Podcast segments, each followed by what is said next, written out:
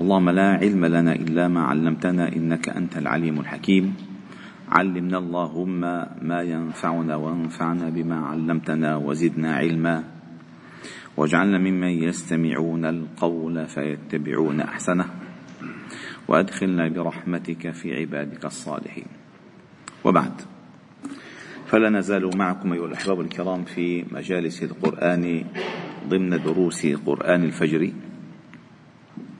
وقد وصلنا إلى قوله تعالى في سورة آل عمران قد كان لكم آية في فئتين التقتا فئة تقاتل في مؤمنه فئة؟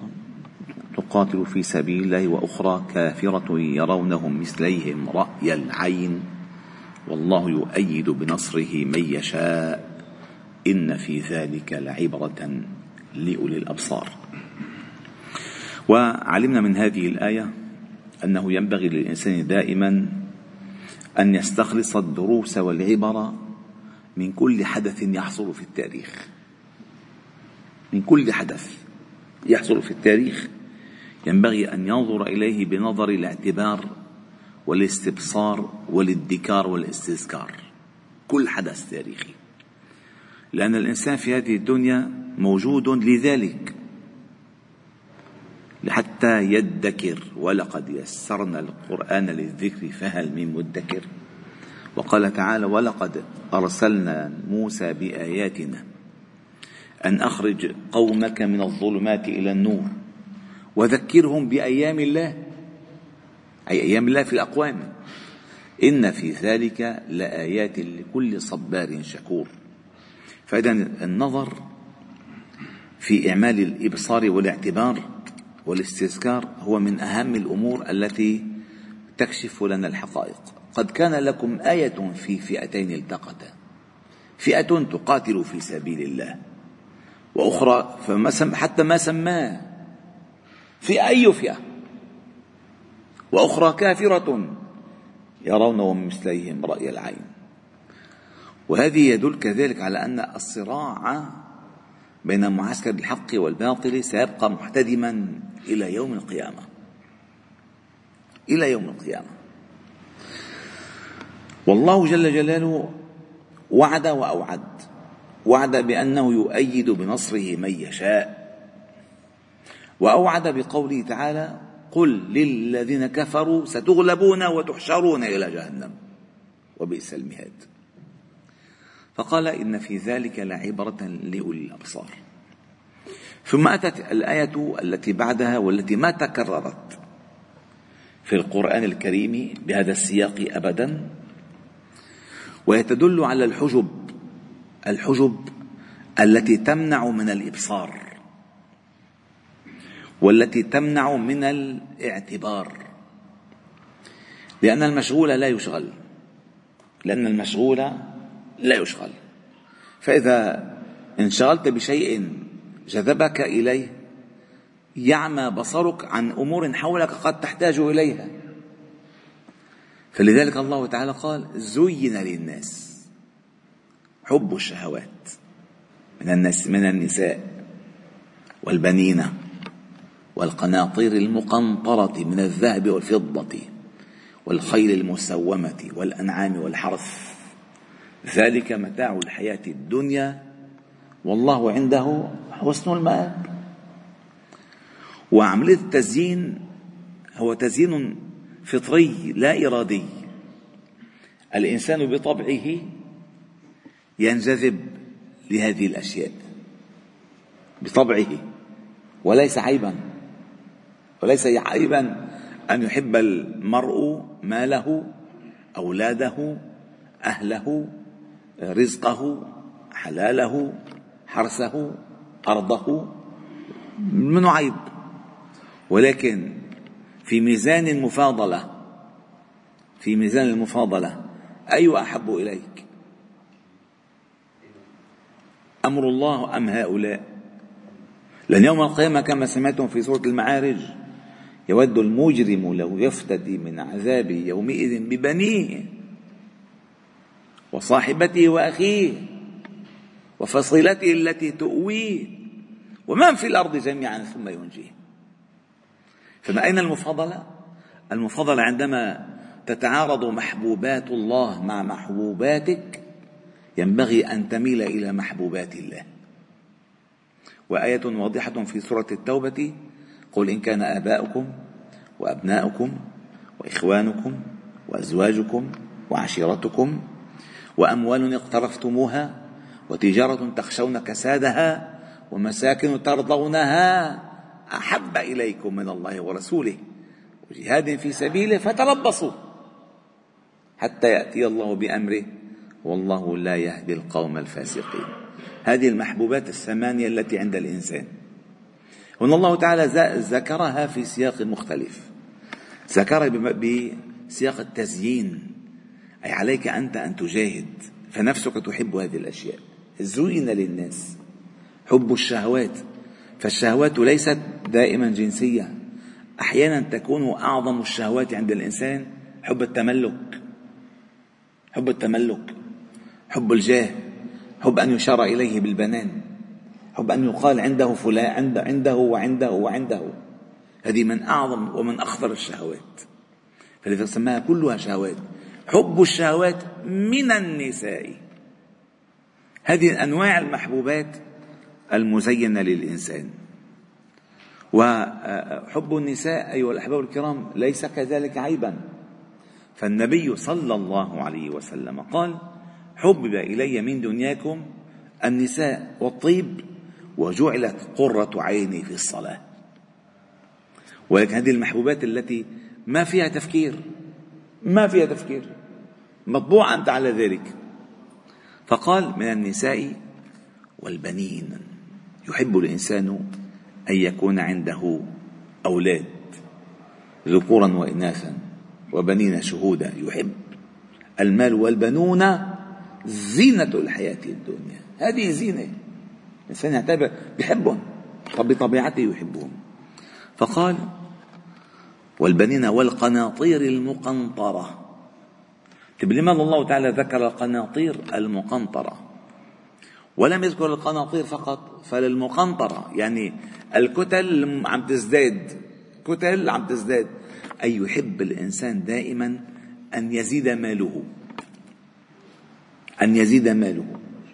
والنبي صلى الله عليه وسلم قال لو أن لابن آدم واديان من ذهب لابتغى لهما ثالثا. مع أنه الحديث مع أنه الوادي من ذهب. واديان واديان. ما حيلحق بحياته كلهم. كل حياته لن لن يستطيع أن يصرفها كلها. فلو أن لابن آدم يا أستاذ عبد الله عندك كم وادي؟ ولا وادي؟ لو أن لابن آدم واديان واديان من ذهب ما قل تمنى لابتغى لهما ثالثا. إن عنده شغلتين. همه الأول كيف يصير ثلاثة؟ عنده أربعة. همه الأول كيف يصير خمسة؟ هذه شغلة خطيرة. قال ولا يملأ فاه إلا التراب.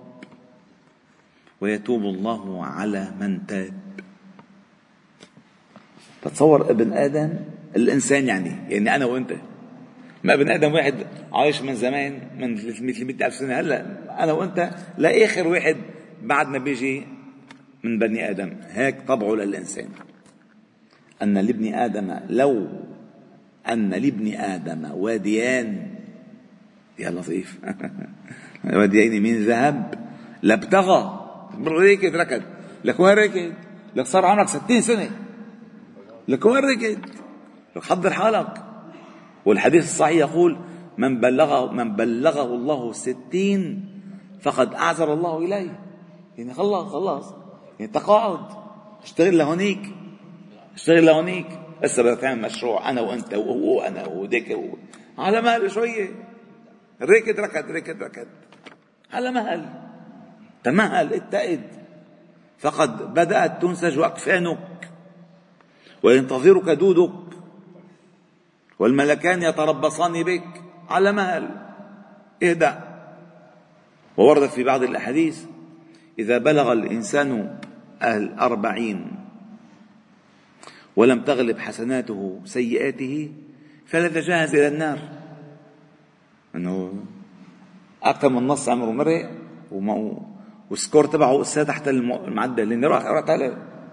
فشو ركض حب الأمور هذه من من من فطرة الإنسان أن يحب المسألة. ولكن بتحب المال بس بتحب القناطير المقنطرة. يعني بدك تزيدهم تزيدهم تزيدهم وبعدين لك على مال. هيك من الذهب والفضة والخيل المسومة. الخيل المسومة وأنواع الخيل كل مركوب. كل مركوب وكل دابة الإنسان بيحبه. قال الله تعالى لكم فيها جمال حين تريحون وحين تسرحون. هذه الدواب. فمنظرها وهي سائمة أي تسوم أي ترعى. جميل. يحبه الإنسان. والخيل المسومة والأنعام كل الأنعام.